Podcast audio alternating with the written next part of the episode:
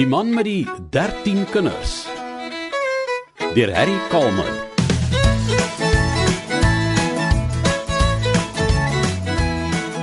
Dit het alles met 'n maasba begin.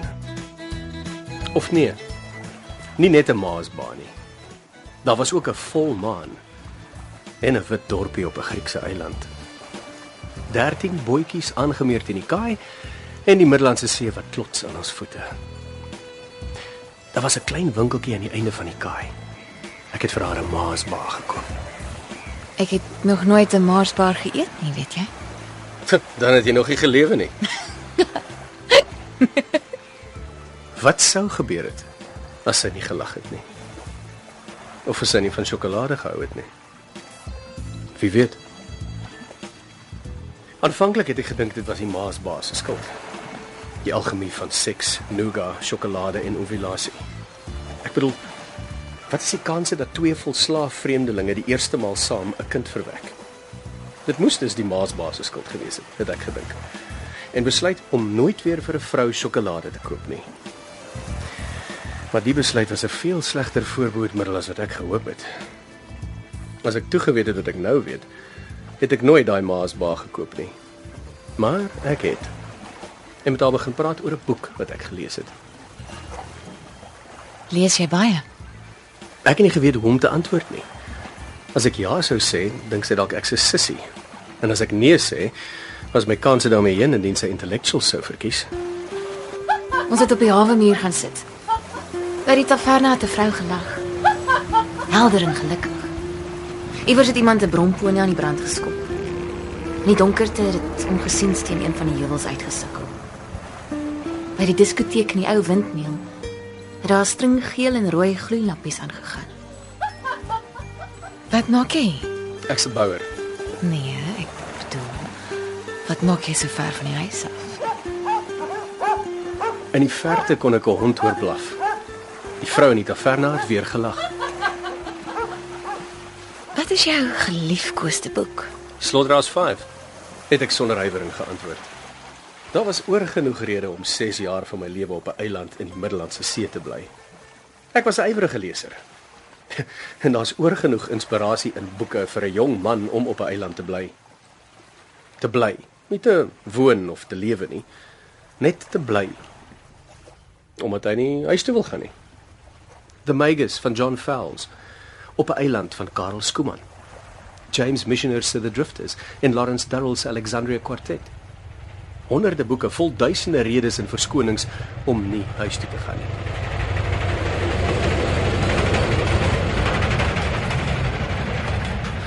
Veral nie as jy van Kempton Park afkom nie. In Kempton Park word die grasperke vaal in die winter en vlieg die vliegtye laag oor jou huis.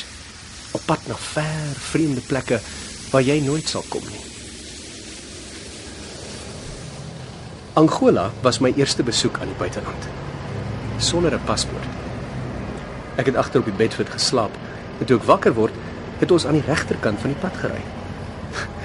Dit het nooit voorheen by my opgekom dat selfs 'n invallende weermag verkeersreëls moet gehoorsaam nie. Na ek uitgeklaar het, het ek 'n treindrywer assistent op die spoorweg geword. Vir 3 maande lank het ek my dood gewerk. Toe het ek by 'n reisagent ingestap en die goedkoopste kaartjie gekoop. Olympic Airways na Athene. Hm. Ek was gelukkig. So gelukkig dat dit my bang gemaak het. Die dag voor ek op die vliegtuig geklim het, het PW Botha in die parlement gesê dat daar nog nooit enige Suid-Afrikaanse soldate in Angola was nie. Ek het gewonder wat ek was. 'n uh, Suid-Afrikaanse ballerina?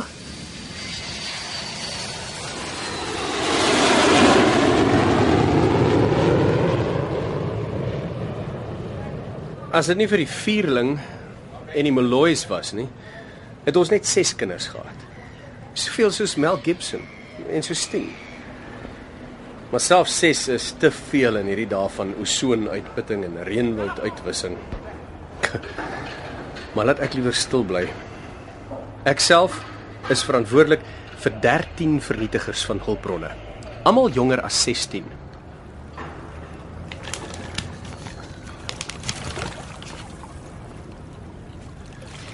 Kan nie glo jy skryf dat jy nie huis toe gaan kom nie en nie met my gaan trou nie. Jy was gou genoeg om my klere van my af te pluk. Ek was amper nog 'n virgin gewees, weet jy? Nou is ek op die paal en wil jy niks met my te doen hê nie. Ek weet ek is 'n Katoliek, maar ek beloof jou ons sal skei as ek klaar studeer het. Verjaar is my eerste jaar. Ek gaan dit klaarmaak. Daarna is nog 6 jaar oor. Dan kan ons skei. Maar ek gaan nie met jou kind sit terwyl jy in Griekeland leeg lê nie. Ek gaan 'n dokter word en jy gaan my help om dit reg te kry. Ja. Ek het die brief toegevou en vir die soveelste keer terug in my sak gesit. Dit was begin November. 4 maande sedert ek vir Matilda 'n Maasbaar gekoop het. Dit het gelyk of 'n Kersfees by die huis gaan wees.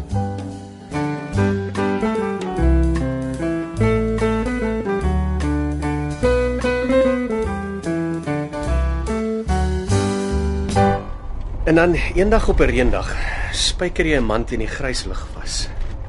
Die een oomblik bestuur jy jou motor. Dromerig en in gedagte. En die volgende oomblik is hy voor jou met 'n bos rooi rose in elke hand. 'n Simbool van vrye onderneming. Rose, rose. Jy glimlag. Hy waai terug. Jy koop nooit rose by hom nie. Maar jou glimlag maak dit duidelik dat sy ondernemingsgees jou goedkeuring wegdra. Die dag is jy opgeruimd en gelukkig, want jy het 'n goeie dag agter die rug. Pad is nat. Die motor gly. Of het jy dalk die draai net te vinnig en te wyd gevat? 'n Dowwe slag. Rooi rose in selofaan wat deur die lug vlieg.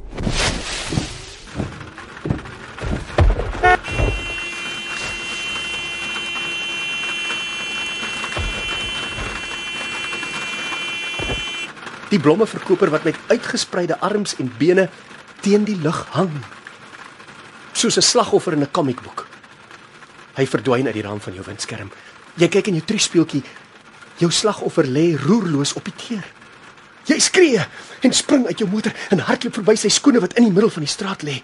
Jy hoop dat hy nie dood is nie, maar jy weet dat jou hoop jou gaan beskaam.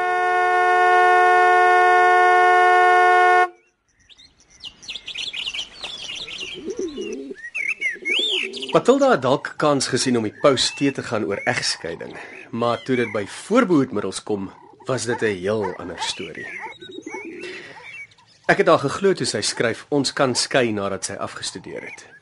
Dit het my goed gepas. Die vooruitsig om te moet trou met iemand by wie jy net eenmaal geslaap het, is genoeg om enige jong man twee maal te laat dink. Selfs al is hy vol kalvinistiese skuldgevoelens. 7 jaar het meer redelik geklink.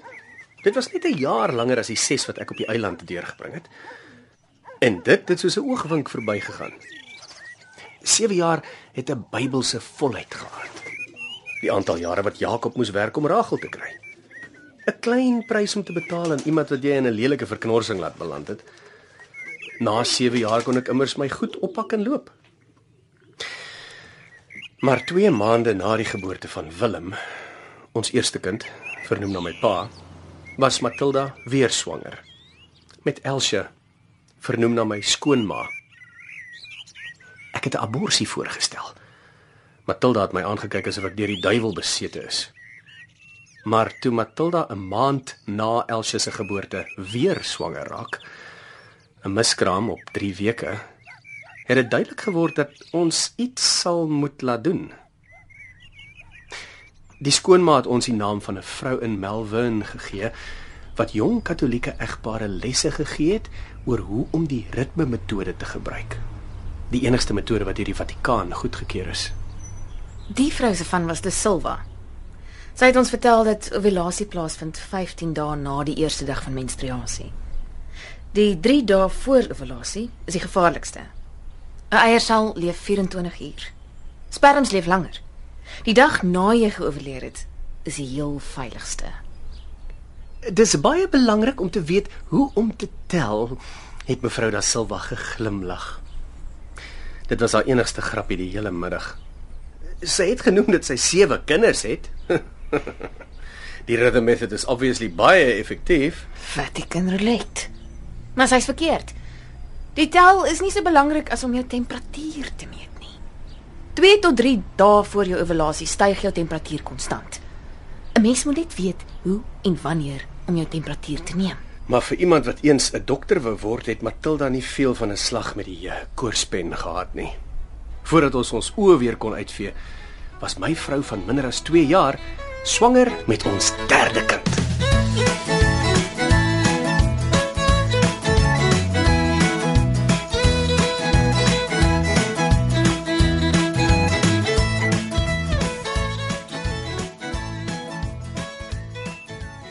Het na die plaas gaan kyk oor die naam.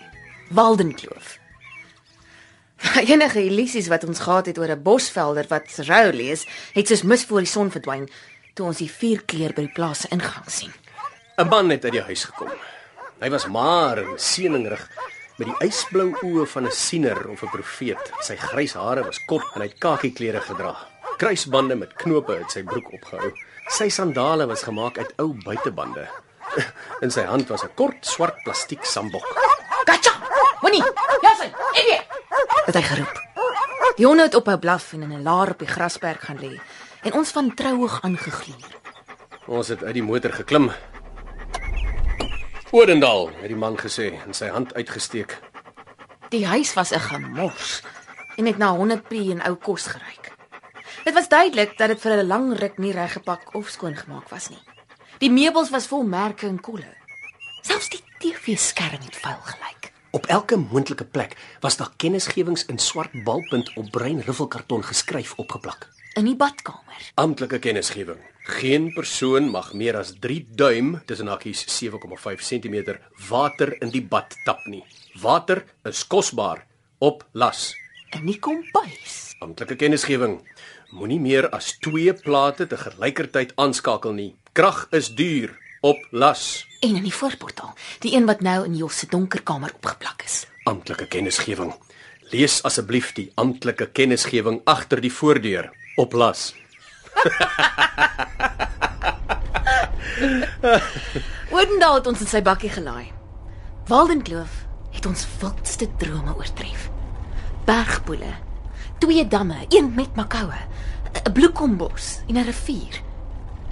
Hoeveel wil oom hê? Matilda het hom R25000 minder aangebied. Oendal het na my gekyk, asof hy nie gewoond is om met vroue besigheid te doen nie. Ek het my kop geknik. Oendal het dit aanvaar. Later het ons uitgevind ons het te veel betaal. Nie baie nie, maar darm. Ry, die pottebakker wat op die plaas langs aan woon en orras kan lees. Hou vol dat Odendal eerder na 'n gestig moes gaan as na die ouete huis waarheen sy kinders hom gestuur het. Toe sy kinders klein was, het hy hulle glo gedwing om Spider-Man oom Spinnekopman te noem. Elke maal as daar 'n swart mens op TV was, het hy opgestaan en na die skerm gaan spoeg. Wanneer Dali Tambo of Felicia Mabuza Sattel op TV was, het hy een van sy werkers se kinders laat kom om dit te doen. Die ander kinders het hom die bynaam remote control gegee. Wat was die kleur van sy aura? Ooh, you don't want to know. Het Ry geantwoord. Hy het geril asof hy iets onaangenaams onthou en na in die oë gekyk. Langer as wat nodig is. Ek het gewonder of daar iets tussen hulle was, maar die gedagte dadelik weer uit my kop gestoot. Soms verkies mense om dinge as prins mis te kyk. Ek weet wat die kleur van sy aura was. Sy het op haar bene gaan sit soos sy altyd maak as sy wilps voel. Ek het opgestaan en my drankie gaan volmaak. Wat? Wou ry agter my rug weet. Oranje, blanje, blou. Ry het ook begin lag. Baie harder as wat die grap snaaks was. Die gedagte wat ek vroeër uit my kop gestoot het, was terug. Ek het besluit om my oë oop te hou.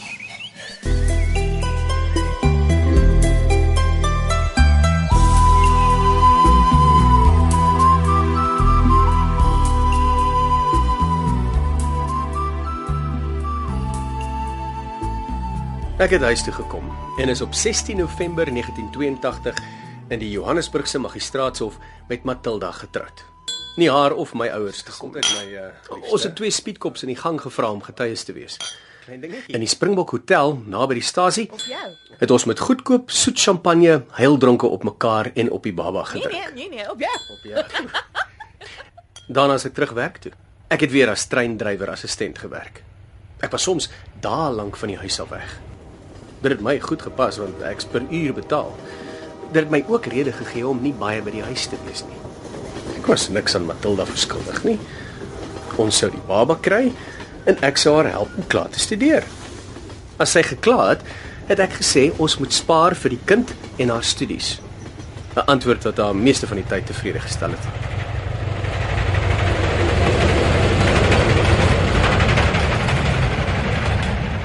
Ek het vir ons 'n twee slaapkamer woonstel in Hielbrau gehuur. Dit was duur. R153 per maand. Maar dit was 'n mooi ou gebou. Elliot Court sou vir die volgende 10 jaar ons tuis te wees. Maar dit het ons nie toegeweet nie. Ons het in verskillende kamers geslaap, maar ons het baie gesels. Ek wou nie 'n seun hê nie. Ek wou nie 'n dogter hê nie. Hoe nader die geboorte gekom het, hoe minder wou ek enigsins 'n kind hê. Ek het sy gevoelens verstaan, maar die kind het binne in my gegroei. Een aand het ek gevra of ek maar my kop teen haar maag kan hou. Die kind se hartklop was sagter as wat ek verwag het. Ek was banger as ooit.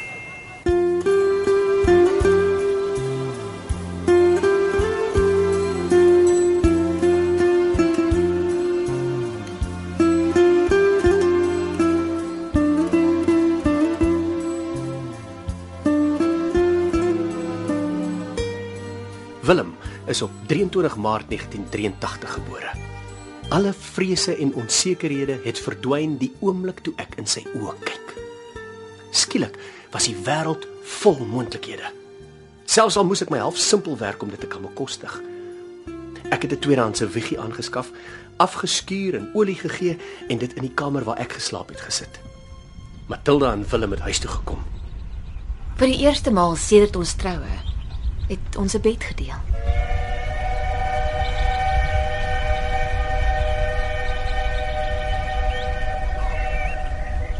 Ons het in November 1993 na die plaas getrek. Vir iemand wat sy hele volwasse lewe eers op 'n eiland en toe in 'n woonstel in Heilbrau deurgebring het, was dit 'n groot aanpassing. Daarom het ek besluit om die boerdery soos 'n jazz improvisasie te benader of soos 'n zen raaisel. Ek vir hom is 'n gebarste pyp iets om van alle kante te bekyk en oorweeg te word. Vir my is dit 'n gemors wat so gou as moontlik opgeruim moet word. Ten spyte van ons verskillende benaderings, het dit ons vinniger geneem om geld uit die plaas te maak as wat ek verwag het. Ons het 'n groot kruietuin geplant en die groentetuin vergroot. Naweke verkoop ons organiese groente by 'n stalletjie langs die pad en die organiese mark in Bryanston. Ek het 'n fabriek begin wat meubels uit bloekomlatte en takke maak. Die ontwerpe is gebaseer op Australiese bush furniture en ek bemark dit landwyd onder die naam Waltzing Matilda. Diep in een van die klowe, aan die einde van 'n klipperige tweespoorpaadjie, het ons 3 kliphuisies gebou wat ons naweke aan stedelinge met four-wheel drives vier. Al hierdie projekte en die feit dat die plaas afbetaal is, maak dit makliker om die kinders gevoed en gekleed te hou. Vir buitestaanders lyk ons bestaan seker soos 'n paradys. Maar elke paradys het sy kruis, of dit nou 'n slang is of nie.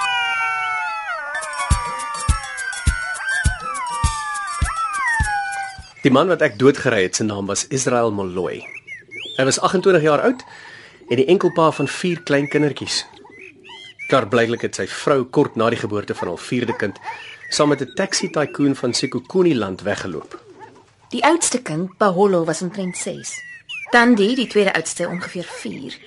Vanelle, die derde was 3 en Bongi, die jongste, so 18 maande. Ek het eers 2 weke na die ongeluk van die vier kinders uitgevind. Toe 'n dominee van Alexandra aan my deur klop en my van hulle vertel. Ek het al te veel geld verloor aan bedrieërs met hartseer gesigte en nog hartseerder stories om hom dadelik te glo. Die man het gesê dat hy my wantroue verstaan, maar dit sal waardeer as ek hom sal bel as ek van gedagte verander. Hy het my 'n kaartjie in die hand gestop. En daar het the Reverend Jackson Mkhize, Reverend of Faith, Apostolic Mission and Healing en 'n telefoonnommer opgestaan. Ek het die kaartjie in my beursie gesit. Vir 2 dae lank het hy my niks gesê nie. En toe hy dit noem, het ek uit die bed opgestaan, die lig aangeskakel en die kaartjie uit sy beursie gevis. Tilda, dis half 1 in die oggend. Daar's party goed wat nie kan wag nie. Ek het maar stil gebly. Haar oë het soos 'n reborn Christian of 'n dobbelaarsin geblink en ek het geweet dit sou nie meer help om te praat nie. Die reverend het ons die volgende middag aan die buitewyke van Alexandra ontmoet en ons dieper die township ingeneem. Ons het voor 'n huis stil gehou. Die reverend het uitgeklim en ingegaan. Kinders het om die motor saamgedrom. Mense het uit die omliggende huise gekom en na ons staan en kyk. Ek het sien weer agter geraak. Kom ons ry. Maar voordat ek die sleutel kon draai, het die reverend saam met twee jong mans uit die huis gekom. Die een het geen poging aangewend om die pistool wat voor in sy broek ingedruk was weg te steek nie. Vandag word ons vermoor. Het Jos saggies gefluister. Die reverend het die agterdeur oopgemaak en die jong man sit ingeklim. The uh, area where we have to go is not so nice for white people. It is right next to the Beirut section. These comrades from the street committee are uh, going along to protect us. Het die reverend verduidelik en die deur toegeslaan. Ons het geknik. Die Beirut section was kort kort in die nuus weens gevegte tussen Inkatha en die ANC. Die vier Moloi kinders was in 'n klein kamertjie in 'n agterplaas vol kamers sinkpondokkies. Daar was nie vensters nie en die sinkplaatdeur het net aan een skarnier gehang. Hulle het in 'n verskrikte bondeltjie in die verste hoek gestaan. 'n Vuil skuim rubber matras was op die vloer. Agter die deur was 'n primus, 'n halwe bottel parafien, twee plastiek koppies, 'n blikpot en 'n lepel. That is their last food, het die reverend gesê en na 'n sakkie ys mieliemeel gewys. They don't have any family to look after them. Matilda het die papiersakkie opgetel. 'n Kokkerot het oor haar hand geskarrel. Sy het gegil en die sakkie laat val. Die mieliemeel wat oor die kaal sementvloer gespat het, sou nie eers 'n koppie volmaak nie. Matilda het na my gekyk. Ek het gehoop sy dink nie wat ek gedink het sy dink nie. Sy het die twee jongste kinders opgetel. Bring die ander twee. Wat gaan ons met hulle maak? Ons gaan hulle aanneem. Dis jy fucking mal. Ons het klaar 8 kinders. God het hulle na ons toe gestuur. Ek glo nie aan God nie. Nou hoekom het jy dan gebid toe Ulrike siek was? Ek het probeer dink wat ek kon sê om haar te oortuig. Maar selfs toe het ek al geweet. Die Molois het gekom om te bly.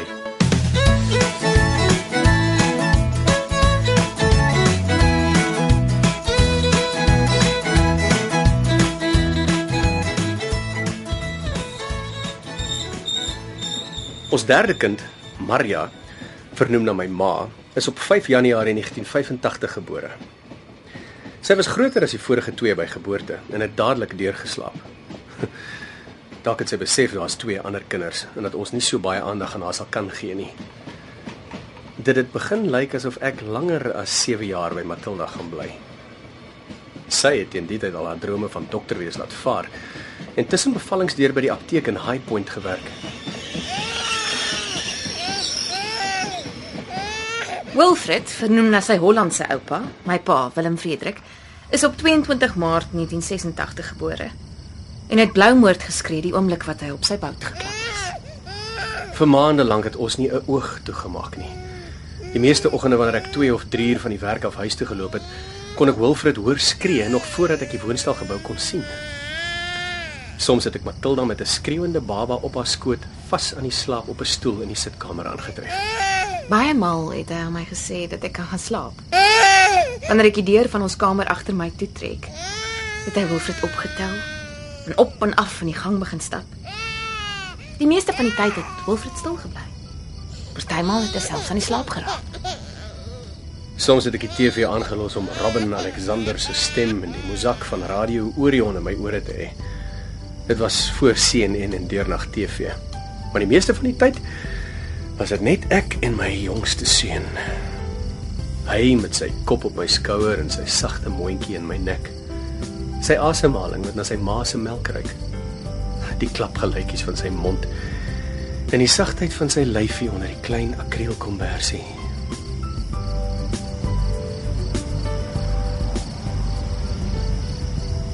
Like a fool for skin.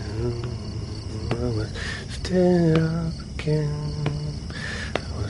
lifted up again. by- Soms het hy vir hom gesing. Liedjies soos Full Force Gale en Riders on the Storm. Dieselfde liedjies oor en oor. Tot die voëls in die bome langs die straat begin sing en die nag stadig van swart na grys na goud verander en die dag vol belofte voor ons lê. Ek is gewoonlik net na 8 weg om die apteek te gaan oopsluit. Jos het op daai stadium twee werke gehad. Bedags was hy netsman vir die familie aan wie Hellet kort behoort het. Deel van sy salaris was 'n groter woonstel op die derde vloer. Saans was hy uitsmyter by die Bella Napoli nagklub. Ek het nie gedink dat 'n uitsmyter veel van werk was nie. Bovendien, in my moedertaal is 'n uitsmyter 'n toebroodjie.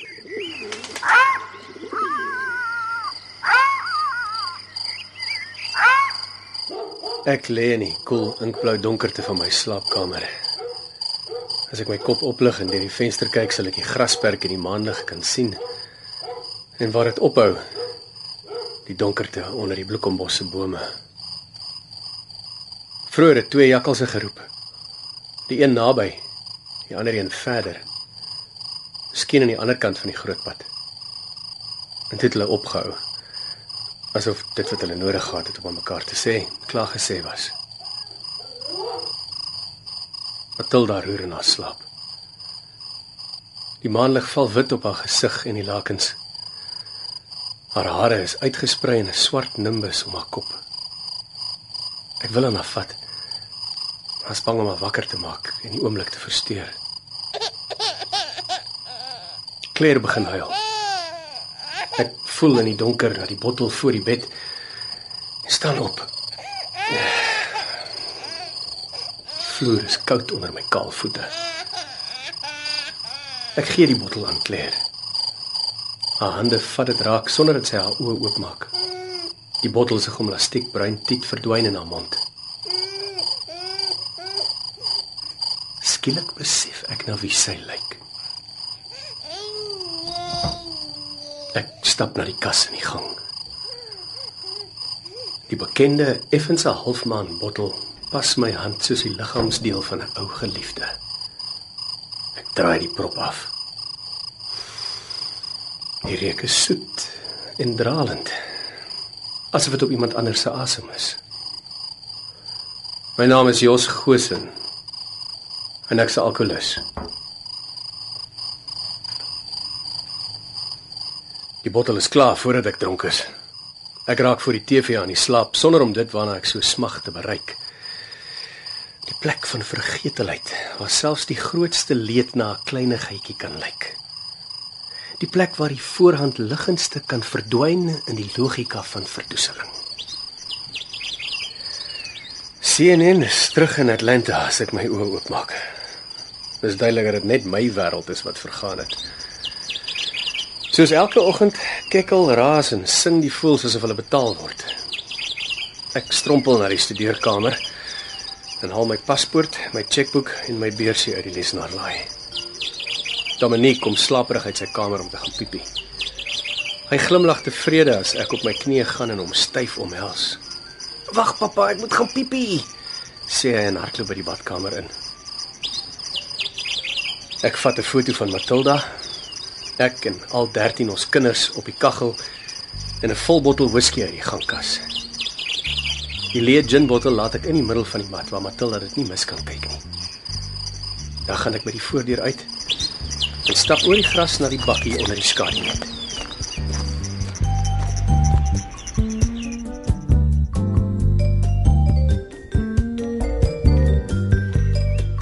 Aan die begin het ons Israel Moloi se kinders die Molois genoem. Later, veral wanneer hulle ons kwaad gemaak het, die kinders van Israel. En uiteindelik Paolo, Tandi, Panele en Bonkie. Vir hulle was die woonstel soos 'n ander planeet. Die wat kon praat, kon nie Afrikaans of Engels praat nie. En ons kon nie Tswana praat nie. Aanvanklik het Sofia, die kinders se oppasser, baie gehelp. Maar in die aande is sy huis toe en het ons sonder 'n tolk gesit. Gelukkig het kinders nie vreeslike verskonings nodig om met mekaar oor die weg te kom nie. En was dit die tweede maal in ons getroude lewe dat ek en Matilda gelyk 4 nuwe kinders moes hanteer. Dit het baie makliker gegaan as wat ek verwag het. Anders as toe die vierling gebore is, was die Molois relatief groot. Ek kon nie met hulle praat. Selfs Bongie, wat toe 18 maande was, kon verstaan. En anders as ons kinders, het hulle geluister. Die Molois het miskien nooit voorheen in hulle lewens 'n spoeltoilet gesien of met iets anders as 'n lepel geëet nie. Maar hulle het dinge uit die township gebring wat ons lewens makliker gemaak het en selfs verryk het. Paolo het altyd seker gemaak dat die kleintjies genoeg het voordat hy begin eet. As een van hulle begin huil het, was hy eerste by hulle. En in die aande kon ons hoor hoe hy in die eetkamer, wat ons inderhaas in 'n ekstra slaapkamer moes omskep, met die kleintjies lag en gesels totdat hulle aan die slaap raak. Party aande het hulle liedjies gesing. Ek kon nie die woorde verstaan nie, maar uit die wysies en die aantal kere wat die woorde haleluja en Jesu daarin was, kon ek aflei dat dit kerkliedjies was. Die vierling was die eerstes om saam die Molois te begin sing. Die ander vier het een-een by hulle aangesluit. Eers Wilfred, toe Maria en toe Willem en Elsie. Na 'n paar weke moes ons 'n reël maak dat hulle net elke tweede aand kon sing en dan ook nie meer as 6 of 7 liedjies nie. Nie een van ons het die reëls baie streng toegepas nie. En jy het gedink jy gaan jou kinders sonder godsdiens grootmaak. Ek het altyd gedink dis die wites wat die swartes moet bekeer.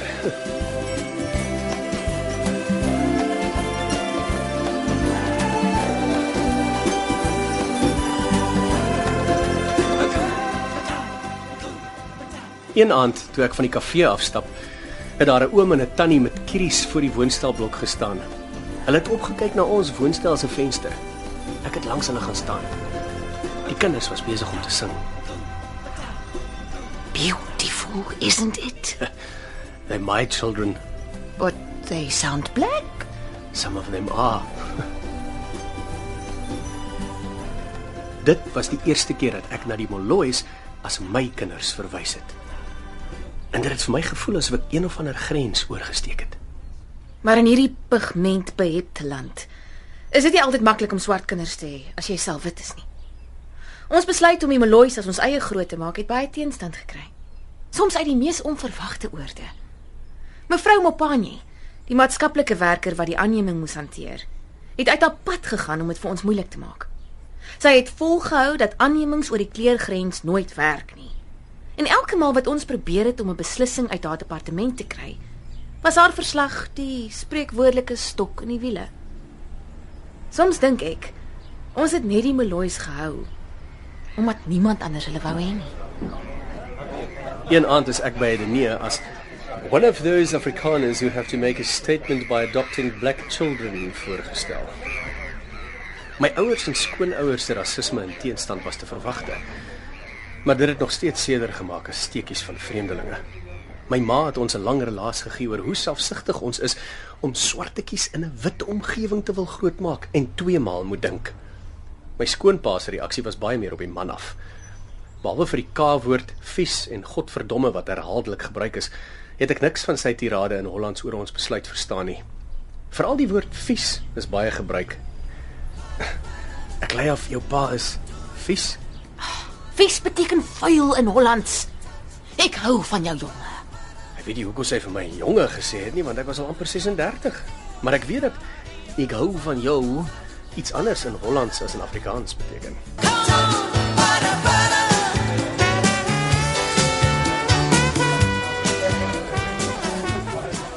My vermoede dat Matilda en Ray 'n verhouding het, is op die mees brutale wyse moontlik bevestig. Ry hou elke jaar 'n reuse verjaarsdagpartytjie. Mense kom van heinde en ver om dit by te woon. Die eerste jaar wat ons gegaan het, het hy die African Jazz Pioneers gehuur. Ek en Matilda het die hele aand gedans. Op 'n stadium het ons selfs buitentoe gegaan en mekaar vuurwarm gevry agter 'n bos. Sy het my beld losgemaak, maar ek was te bang dat iemand op ons sou afkom en het dit vir haar gesê.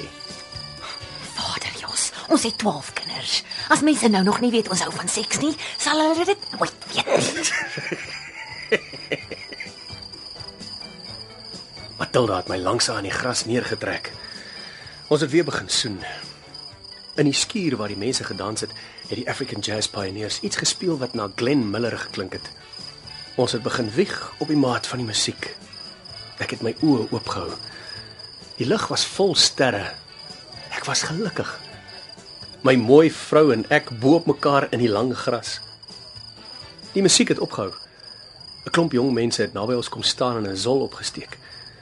Matilda het doodstil onder my gelê. Look at the stars. It's freaking amazing. Het een van die vrouens gesê. Ek het my kop opgelig en weer na die sterre gekyk. Die mense het minder as 30 meter van ons af gestaan. Matilda het haar tong in hulle rigting uitgesteek. Ek moes in haar skouer byt om my lagbyt te smoor. Nadat die ander mense klaar gerook het en terug in die rigting van die musiek verdwyn het, het ek en Jos al ons klere uitgetrek. Ons het 'n paar klippe uit die pad gerol en lank en saggies liefde gemaak. Daarna het ons ons klere aangetrek en hand aan hand terug na die huis gestap. Die volgende jaar se orkes het nie 'n naam gehad nie, maar ek het party van die musikante herken uit die dae toe ek nog in die klubs uitgehang het.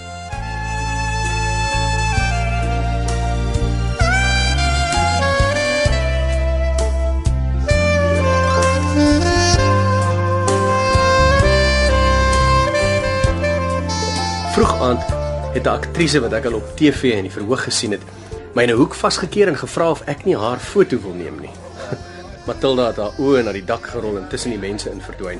Ek het aan die aktrise gesê ek wil kroeg toe. Sy het my gevra om vir haar 'n drankie te bring. Teen die derde of vierde drankie was die aktrise heel wat interessanter as vroeër in die aand. Matilda het elke nou en dan kom vra of ek oukei okay is. Is jou vrou jaloers? Het die aktrise gevra toe Matilda weer 'n slag tussen die mense in verdwyn. Nie sover ek weet nie.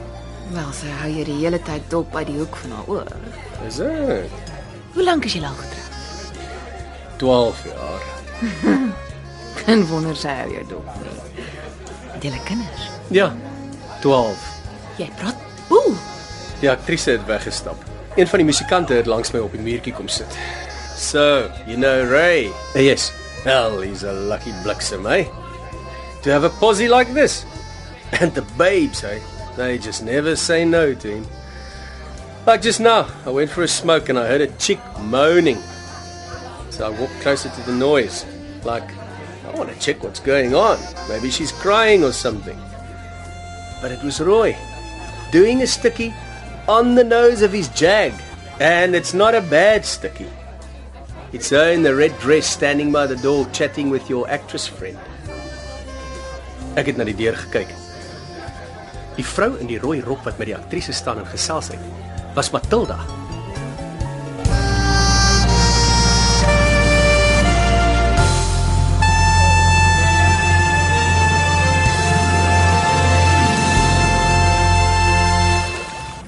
Matilda en haar suster was nie die eerste Suid-Afrikaners wat op die eiland aangekom het in die 6 jaar wat ek daar gebly het nie. Twee of drie maal elke jaar het ek mense hoor Afrikaans praat.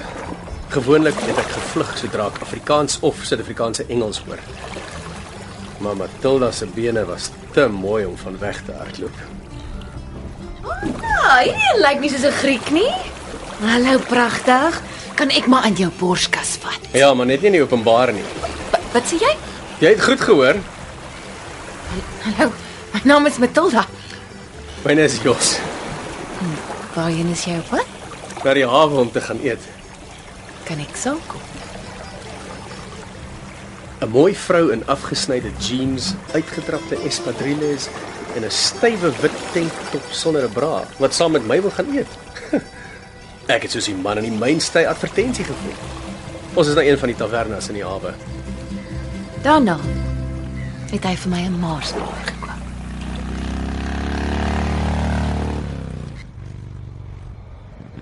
Dit was 'n wonderwerk dat ek my woonstel gekry het.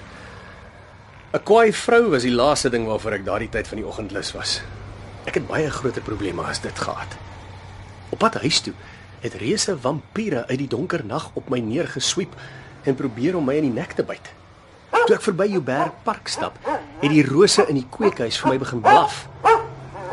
In Hospitaalstraat het twee ouens my voorgekeer en my in die gesig geslaan. Daarna het hulle my sakke deursoek. Al wat hulle my gelos het was 'n stukkie papier met my naam en adres op. Partymal as mens drink, vergeet jy die snaakste goed. In die aangesig van sulke verskrikkinge was Matilda se moedigheid 'n filletjie. Kyk hoe lyk jy? Ek het probeer kyk hoe ek lyk, maar ek kon net my hemp, my broek en my skoene sien. Jy's 'n disgrace. I'm working at it. Jy's nie die naam pa waardig nie. As ek na die tempo wat ons kinders maak, kyk, is ek die naam pa vierdubbel werk. Ho- ho- Hoekom maak jy dit nie sommer pippen ag dubbel werk nie?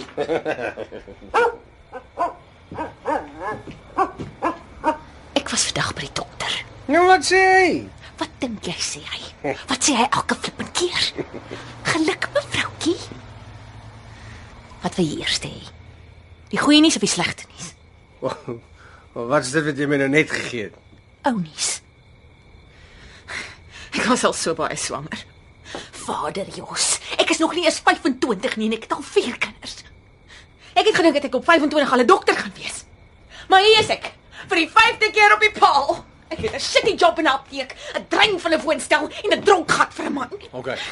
Gee my eers die goeie nuus. Goeie nuus is dat die datum eers in die tweede week van Augustus is. O. Oh. en die slegte nuus? Dis slegte nuus. Is dit al 4 van hulle is? Nou, wat bedoel jy?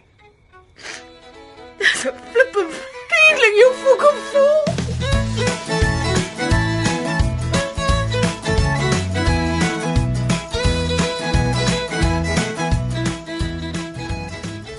Vierling is op 8 Augustus 1988 gebore. Daar was nie meer grootouers oor om te vernoem nie. Eh, Dominique is vernoem na die heilige op wie se dag hulle gebore is. Ulrike na Ulrike Meinhof, een van my jeughelde. Chrissy na Chris Evert Lloyd, 'n tienerheld van Matilda. En klein Jos na die Uwe. Behalwe dat die vierling my myself nugter laat skrik het, het hulle ook 'n ander besef in my wakker gemaak. Die besef dat ek geld moet begin maak. Baie en baie vinnig.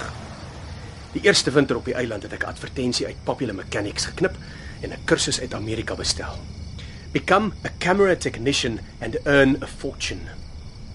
Gedurende die volgende 5 jaar het ek 50 of 60 kameras herstel. Ek het nie ryk geword soos die advertensie beloof het nie, maar ek het 'n redelike goeie idee gehad hoe om 'n kamera reg te maak. Maar as jy net van die regmaak van kameras moet lewe, sal jy doodgaan van die honger. Selfs in Johannesburg in die laat 80s wat per capita meer nuusfotograwe gehad het as wat Beirut ooit gehad het. Die wêreld se oë was op die townships. Tientalle fotograwe met agterste voor baseball caps, rooi T-shirts met die woorde International Press daarop, het van die een onderstoneel na die ander getrek, op soek na die gruisame foto wat hulle wêreldberoemd gaan maak. Een van hulle het my advertensie in die Star Classifieds gesien en sy kamera na my gebring.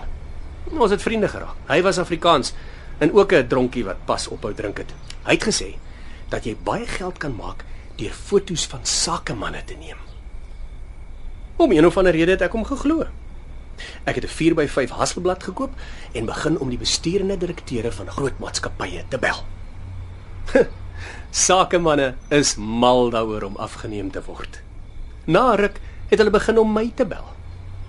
Toe een van my fotos op leadership se omslag kom, was my kop deur. Vir die eerste maal in ons getroude lewe het ek en Matilda naastenby genoeg geld gehad. Toe die vierling gebore is, kon ons selfs 'n partytjie hou. Kort daarna het 'n agent my uit New York gebel. Sedertdien vlieg ek elke 5 of 6 maande soontoe. My ma is oorlede kort na sy eerste besoek aan New York. Die geld wat ek geërf het, het vir Waldenkloof betaal.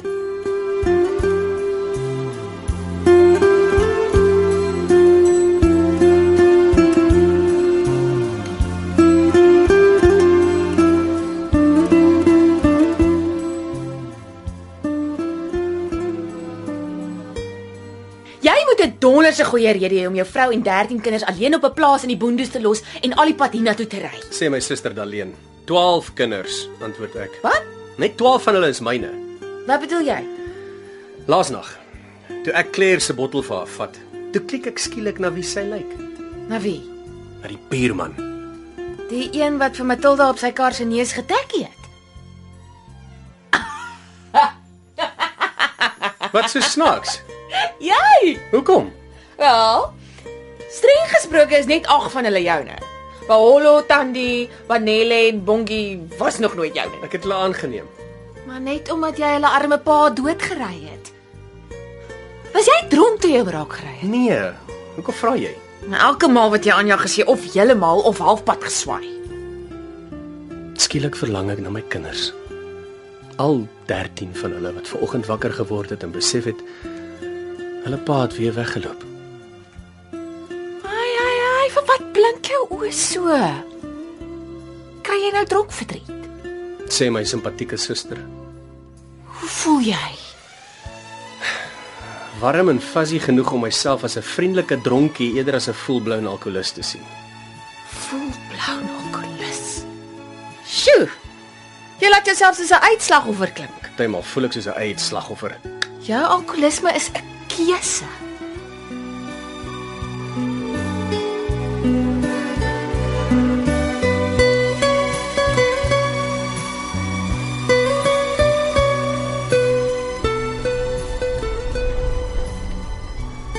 Ek wil nie jy moet weer verruis sien nie. Was 2 dae na reis 'n partytjie. 2 dae na my gesprek met die dronk musikant op reis se agterstoep. 2 dae wat ek telke male gedink het hoe ek hierdie saakie gaan benader. Die aanvanklike reaksie van woede en frustrasie het vinniger plek gemaak vir verligting as wat ek verwag het. Matilda se ontrouheid was dit waarop ek gewag het. Die verskoning wat ek nodig gehad het om ontslae te raak van iemand met wie ek teen my beter wete getrou het. Ek was verlig en bly. Maar die groot blydskap het net so vinnig plek gemaak vir hartseer soos wat ek nog nooit van tevore ervaar het nie. Elke maal wat ek haar gesien het, het 'n pyn om my hart kom sit, soos 'n esterklam. En het ek vlak begin asemhaal.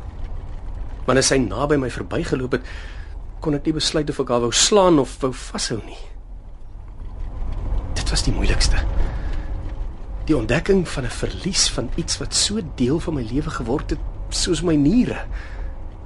Dit en die wete dat wat ook al gebeur, niks ooit weer dieselfde sal wees nie. Ek voel tevrede met myself. 2 dae het ek hierdie konfrontasie in my kop laat afspeel. Die meeste van die tyd het dit 'n gewelddadige afloop gehad. Tot dusver gaan dit goed. Ek het geslaag om met 'n redelike versoek te begin. Ek wil hê jy moet weer verry sien nie.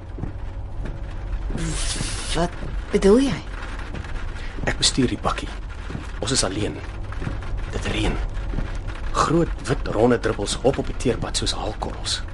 Wat bedoel jy? Ek wil hê jy moet ophou om ry te ry. Iemand het julle nou die aand gesien. Ek het klaar besluit. Jy kan gaan of ons kan na 'n huweliksraadgewer gaan. Matilda het besluit om te gaan. Daardie aand het sy die vierling geneem en na haar suster in Pretoria gery. Die kinders was ontstel en het nie verstaan wat aangaan nie. Ek kon hulle troos nie. My eie hartseer was te groot. Die Sondag na sy weg is, het sy teruggekom. 'n Paar maande later is Claire gebore. Sy is vernoem na die heilige op wie se dag sy gebore is. Die heilige Claire van Assisi, volgeling van Sint Franciscus en die beskermheilige van televisie.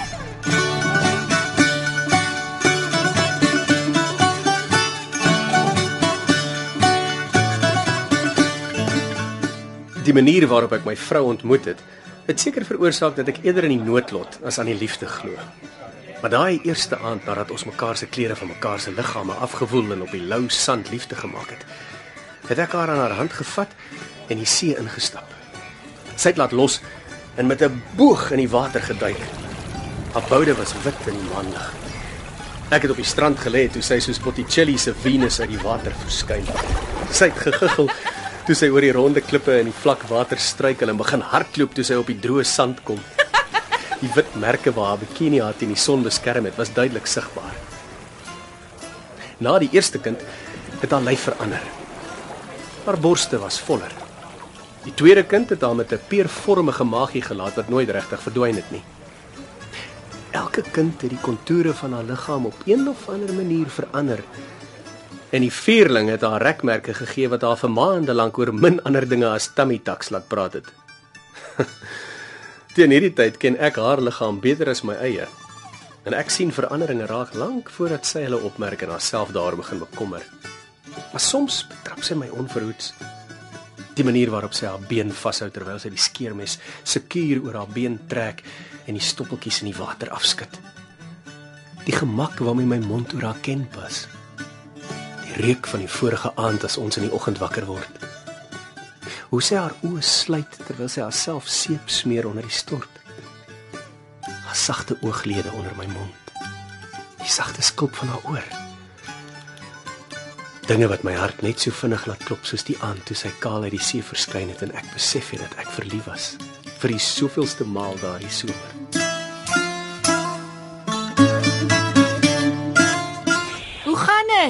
Alraight. Drink jy? Uh, ek het nog nie vanoggend nie. Nou wanneer kom jy huis toe? Ek weet nie. Hoekom is jy in die eerste plek weg? Die kinders stuur groete. Hoe gaan dit met hulle? Goed. Ek het vir hulle gesê jy moes skielik Kaap toe, maar ek dink nie hulle glo my nie. Dominique sê hy het jou die oggend toe jy weg is gesien. Hy hy hy sê jy het na drank geruik. Ja, hy het seker maar die leebottel in die sitkamer sien staan. Ek het dit al weggegooi teen die tyd wat hulle opgestaan het. Ja, Jos.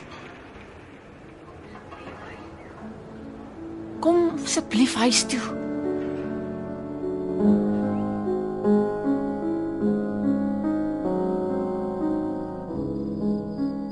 dis volmaan. Ek sit in een van die kinders se motorbinnebande op die stil plaat water agter die keerwal in die rivier. Dis stil. Die punte van die wilgerbome se takke verdwyn in die swart water. Iets skuur teen my boude. Ek hoop is net 'n vis. Ek kyk na die sterre en verbeel myself dat ek die maan op my vel kan voel. Tussen die riete roer 'n eend in sy slaap. Vroeger het een van die kolganse 'n paar maal om my gesirkel, toe uitgeklim en die donkerte ingewaggel. Ek roei stadig terug na die wal waar my klere se donker bolletjies soos 'n krimpvarkie lê en wag. Net nou, as my lyf droog is, gaan ek my klere aantrek en na die huis stap. Die eerste kamer op linkerhand is Willem, Wilfred en Baholo se. Willem se bed staan vol in die maanlig wat deur die venster val. Hy lê met sy arm agter sy kop in slaap. Dan rol hy op sy sy en draai sy gesig na die muur. Baholo lê op die onderste bed van die slaapbank. Sy gesig is 'n donker sfeer op die wit kussing. Willem lê op die boonste bed. Ek staan en kyk hoe hy asemhaal. In en uit.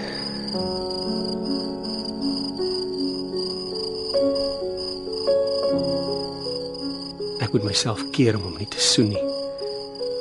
Hy's amper 11 en weet dat mans mekaar nie soen nie. Ek wonder of die ander kinders weet hoe lief ek vir hom is. En stap by die kamer uit. Papa klink Tandi se stem in die donker kamer wat sy met Elsie en Maria deel. Ek wys dat sy moet stil bly. Sy steek haar hand uit. Vat dit. Haar vel reuk na lyfroom. Sy glimlag slaperig. Ek moet oor Elsie se bed leun om haar gesig te sien. Haar asem is sag teen my oorskulp en ek slus om haar teen my vas te druk. Maar as bang het sy sal wakker word.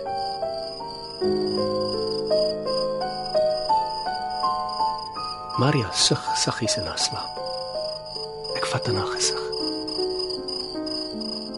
Sy klap deur die lug asof sy 'n muskiet wegwaai. Ek staan lank in die donker na my drie oudste dogters en kyk. Die nagliggie voor Claire se bed skyn sag op haar gesig. Nou lyk sy glad nie soos ry nie. 'n End buite die ligkring lê Ulrika haar duim suig. Chrissy het 'n salige uitdrukking op haar gesig. Hulle lyk albei jonger as 8. Die stoepvertrek waar Jos, Dominique, Vanelle en Bongie slaap, se deur is toe. Ek weet dat dit kraak en stap verby. Ons slaapkamerdeur staan oop. Matilda lê met haar oë oop. Ek gaan sit op die bed en vat haar hand. Sy reik na die heuningseep wat ek altyd vir haar koop. Ek druk haar hand. Sy reageer glad nie. Sy staar na my met haar ouma se donker Indonesiese oë. Haar hand is 'n dooie gewig in myne. Ek laat val haar hand en staan op. Buite is die lug koel op my vel. Die honde stap saam na die motor. Ek klim in en skakel die radio aan. Stings the Fields of Gold speel.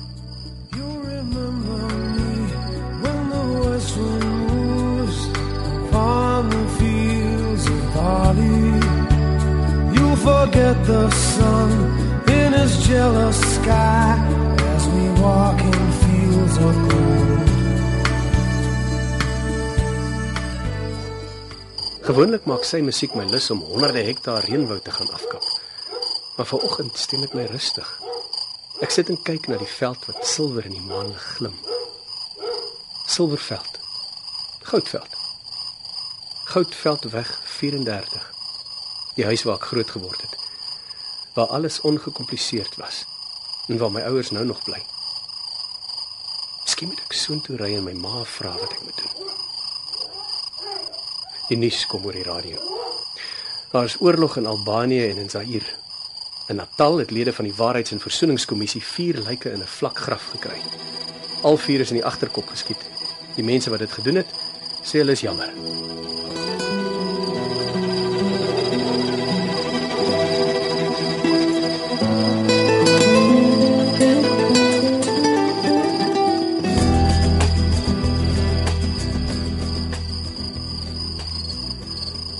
Ek het gedroom ek stap deur die huis en kyk na die kinders in hulle beddens terwyl hulle slaap.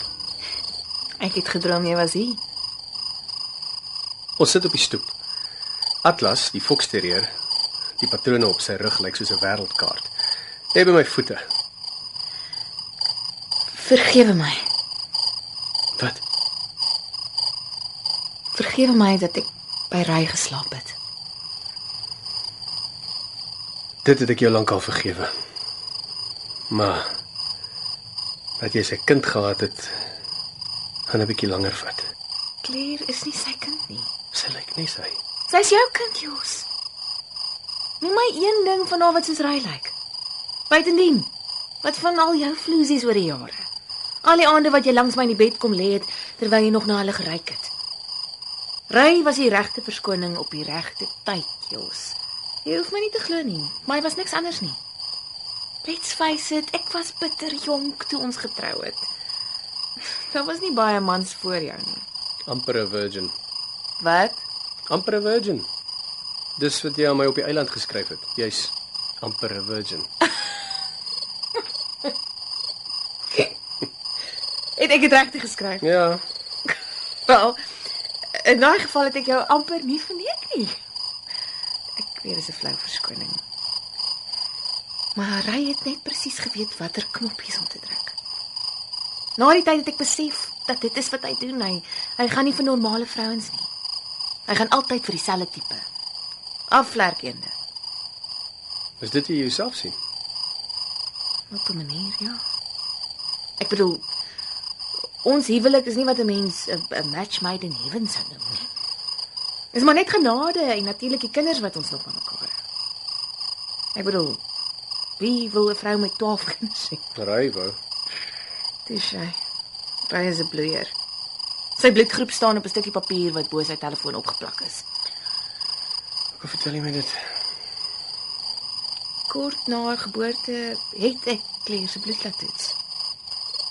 Sy's nie reisekind nie. Hoe kom jy die toets laat doen? Ek wou seker maak wie se kind sy was. Wat wat sê jy gemaak het as sy sy kind was? Wat kon ek maak? Ag, sy hom vertel het. Nee. Sou jy my vertel het? Nee. Glo jy my?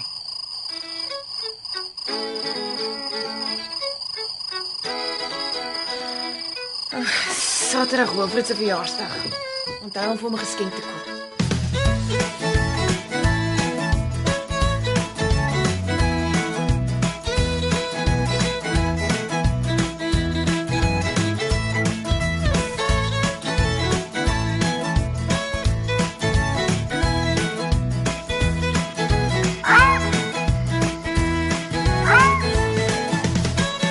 Maar Philip Larkin was reg.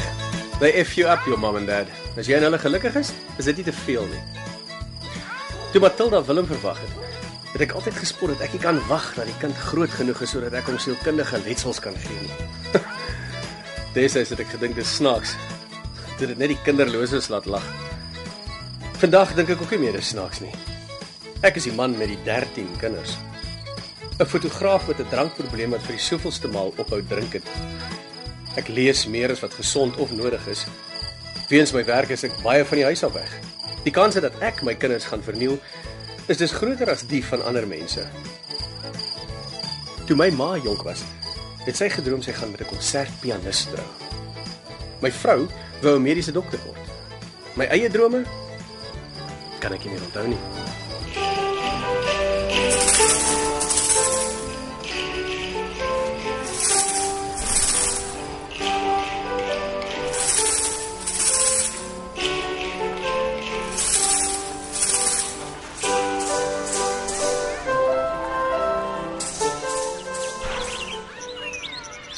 Dit is my seun Wilfred se 12de verjaarsdag. My lyf is loom van 'n bottel en 'n half droë wit wyn op 'n laat somersmiddag. 12 van my 13 kinders, Willem, Elsje, Maholo, Maria, Wilfred, Panele, Dominique, Ulrike, Chrissy, Jos en Bongie is besig om krieket te speel op die Kokoyo langs die dam. Daar's genoeg van hulle sodat twee gelyk kan kolf. die voordele van 'n groot gesin. Claire sit op kombers se end van haar ma af. Sy het 'n geel boublokkie in haar mond en haal dit elke nou en dan uit om een van die kinders of my of haar ma te roep. Matilda maak die biblioteekboek wat sy lees toe en sit dit op die gras neer. Die plastiek omslag blink sodat ek nie die naam kan sien nie. Sy trek haar knie op teen haar bors en laat haar kin daarop rus. Sy vat 'n sluk wyn, sit die glas neer en glimlag by haarself. Sy staar in die verte verby die bloekombos op die oorkantste wa. Kom glimlag jy?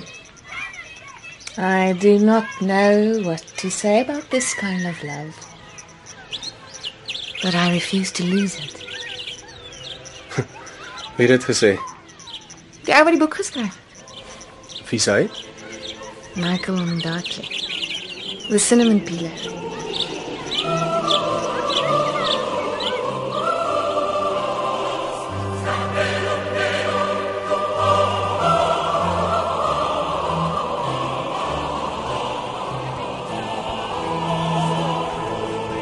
Ons sit op die stoep saam met die oudste kinders. Die sitkamer is donker. Dieper in die huis klink die klank van die Lion King waarna die kleiner kinders kyk. Die lug is vol sterre. Monteverdi se 1610 Vesper speel saggies oor die draagbare CD-speler wat langs my staan. Hoekom het ma met pa getrou? Vra Maria. Die ander kinders bly stil. Matilda neem 'n rukkie voor sy antwoord. Omdat ek moes. Hoekom? Want ek het sy kind verwag. Willem. Ja. Het ma hom lank geken? Nee. Wou maar swanger geraak het. Glad nie, ek was besig om medies te studeer. Nou hoekom het ma dit dan nie kondome gebruik nie? Goeie katolieke meisies gebruik nie kondome nie.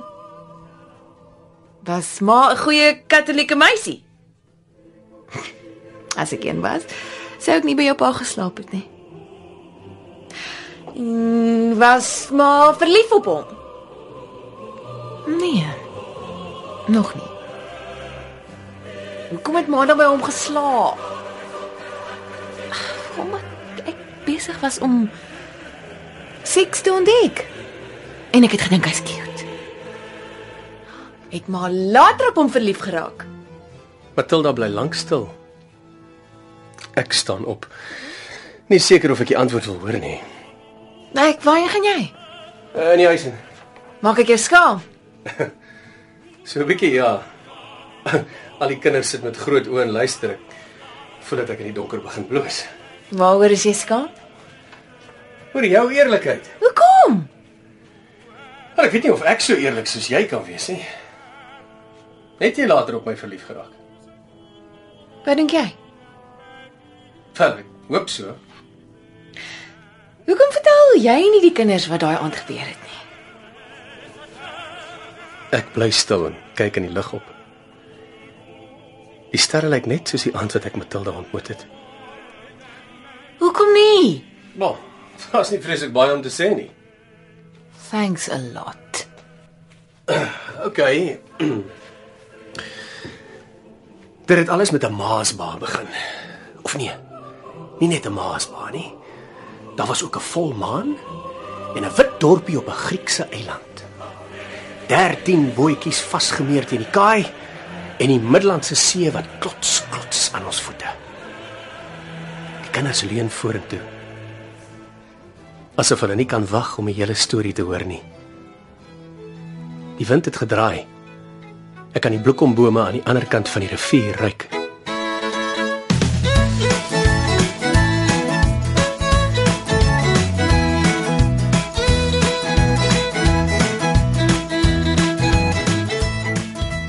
Dit was Die man met die 13 kinders deur Harry Kalmer. Die rolle van Jos Gosen en Matilda Gosen is vertolk deur Andri Gerbst en Frida van der Heever. Die man met die 13 kinders deur Harry Kalmer se byklanke is verskaf deur Cassie Lauis. En die produksie is akoesties gemeng en beheer en geregisseer deur Johan Rademan.